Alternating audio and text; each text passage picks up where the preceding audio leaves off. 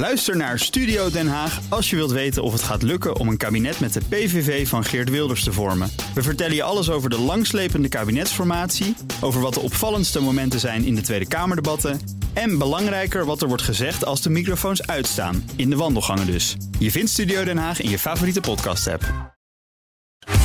Tech Update. En Mats Akkerman is bij ons. Hey Mats. Hey, hallo, goedemiddag.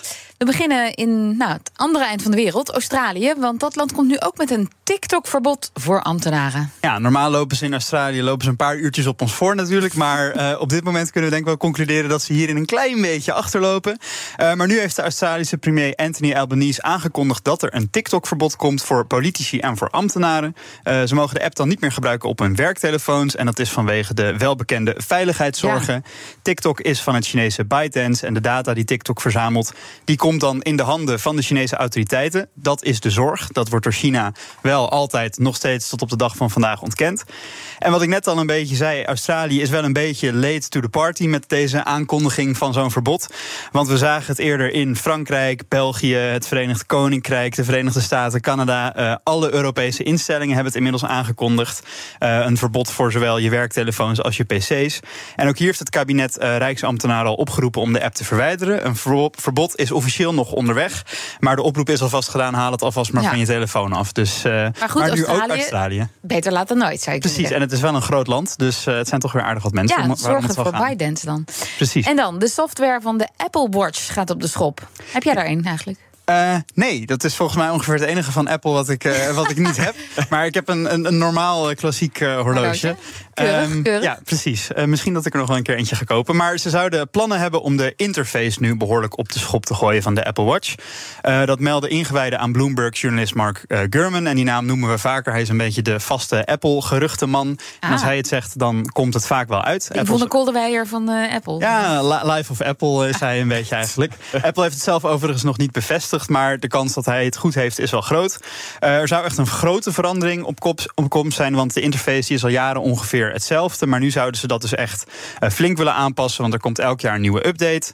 Uh, en de komende is WatchOS nummer 10. En de verwachting is dat dat dus een hele grote update gaat worden. dat zou ook te maken hebben met het feit dat de hardware bij de komende edities vrijwel hetzelfde blijft. Dus hm. dat daar niet heel veel vernieuwing in zit.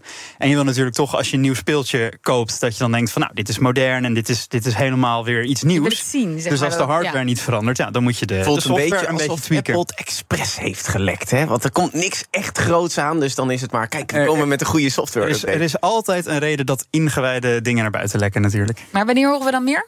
Uh, waarschijnlijk in juni, uh, 5 juni om precies te zijn, dan is de Worldwide Developers Conference. Dan worden meestal de software-updates onthuld en dan worden ze meestal in september uitgerold. Verwachting is dat voor de iPhone trouwens niet echt heel veel uh, design-updates komen. Maar wat wel daarbij een gerucht is dat er aan zit te komen, is dat er de optie komt om apps van buiten de App Store te Oh, downloaden. ja. Want nu moet je altijd uit de App Store die halen. Maar dat zou zijn omdat dat verplicht moet van de Ja, Europese Unie vanaf is wat ze zei, 2024. ja. Dus Moet ja, je. dan moet je op een gegeven moment dat gaan implementeren. En dan LinkedIn komt ook met nieuwe functies. Ja, zit daar nog iets opvallends of leuks in? Nou, ik zag heel veel niet hele spannende dingen, zoals de optie om voortaan tekst in een LinkedIn-post vet te drukken of cursief. Nou, ook Eh, late to the party. Zeg Ook late to the party. Of de optie om een LinkedIn-post in te plannen. Dat je zegt, nou, ik wil morgen om vier uur dat dat berichtje online gaat. Dat kan eh, op heel veel andere plekken wel al. Maar dat, dat komt nu ook bij LinkedIn. Daar viel ik niet echt van, Nee. van mijn stoel. dat, dat kan nu trouwens al in Nederland. Ik heb het laatst voor het eerst gedaan. Dat je Ja. een, een, een post kan inplannen. Precies, maar leuker is wat er, eh, er wel aan zit te komen... en wat ik net al wilde proberen, maar wat nog niet kon. Eh, LinkedIn test een artificial intelligence tool voor gebruikers... om tekstsuggesties te bieden voor het profiel. Dus een soort chat-GPT voor LinkedIn. En dan kun je bijvoorbeeld suggesties krijgen... voor het infogedeelte op je LinkedIn-profiel. Dus daar staat bij mij bijvoorbeeld Mats Akkerman, eh, journalist bij BNR. Nou, dat kun je voortaan uitbesteden naar eh, een tool... die dan eigenlijk jouw cv een beetje voor jou eh, verzint. En dat zou op zich natuurlijk wel een mooie nieuwe functie zijn... Want dan zou die op basis van je werkervaring en op basis van jouw skills en ook op basis van je eigen schrijfstijl een leuke leuk profiel voor jezelf schrijven. ik zou zelf denken, misschien zou ik het liever zelf doen. En we hebben bij ChatGPT wel eens gezien dat als je daar dingen ingooit, dat er dan op een gegeven moment wel behoorlijke leugens uitkomen. En ik zou niet echt erop zitten te wachten dat er mijn cv opeens wel heel erg wordt opgeleukt met allerlei niet kloppende dingen.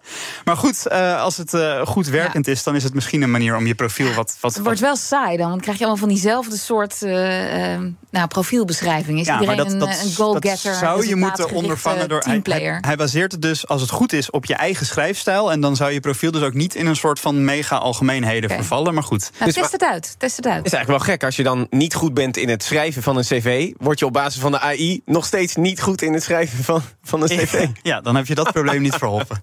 Dankjewel, tech-redacteur Mats Akkerman. De BNR Tech Update wordt mede mogelijk gemaakt door Lenklen. Lenklen. Betrokken expertise, gedreven resultaat.